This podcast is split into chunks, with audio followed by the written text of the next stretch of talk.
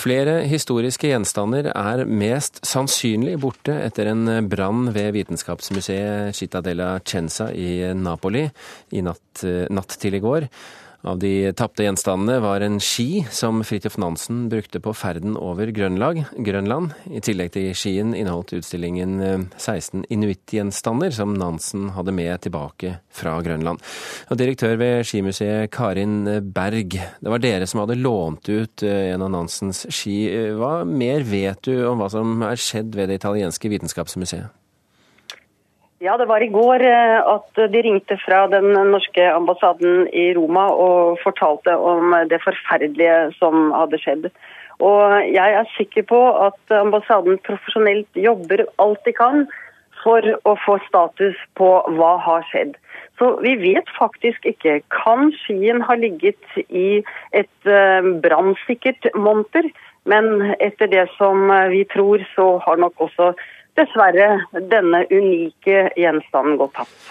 Hvis vi ser på bildene som eh, vi har lagt ut på nrk.no, så ser det jo ut som dette museet er brent ettertrykkelig til grunnen? Ja, det er jo helt en tragedie for, for ikke bare Napoli, men landet at dette har skjedd.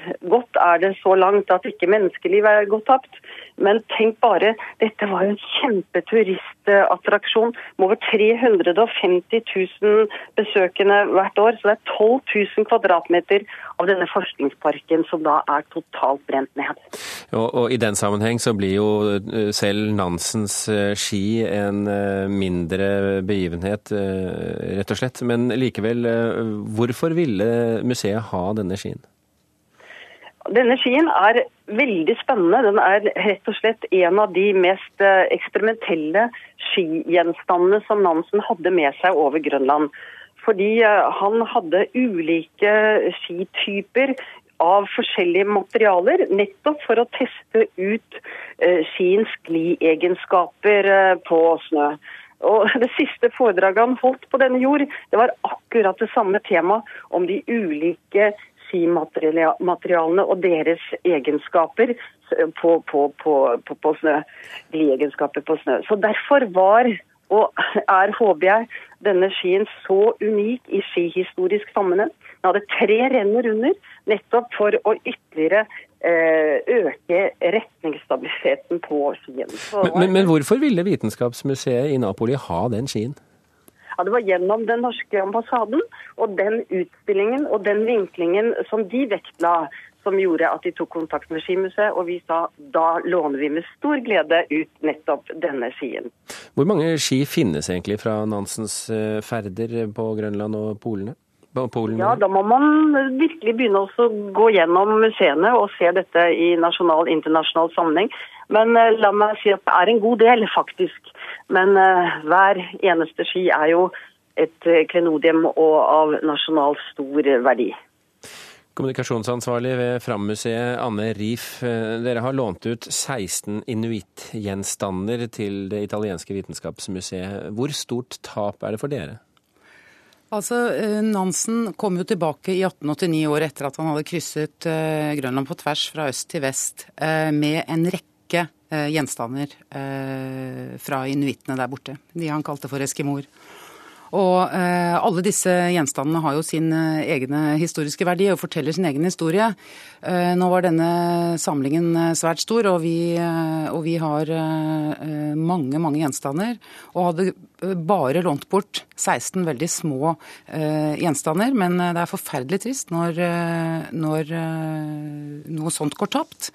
Og uh, alle uh, våre historiske gjenstander, om det er en uh, fiskekrok uh, lagd av bein eh, fra, fra inuittene, eller om det er eh, Nansens hår som vi har liggende på, fra museet, eller om det er framskutta, de, de, forteller alle sin historie og, og har sin egne spesielle historiske verdi. Men Betyr det at dere også da har, har nær sagt skapende fulle med inuittgjenstander som, som dere har fremdeles? Ja, det har vi. Og det har vi fremdeles. Så, så, så hvor stort tap er dette for dere? Dette er allikevel et veldig stort tap, og det går veldig innpå oss som jobber på Frammuseet, og for alle som er interessert i polarhistorien, og det er jo svært mange i, i Norge og andre steder, så er dette eh, en grusom ting eh, når noe sånt noe skjer.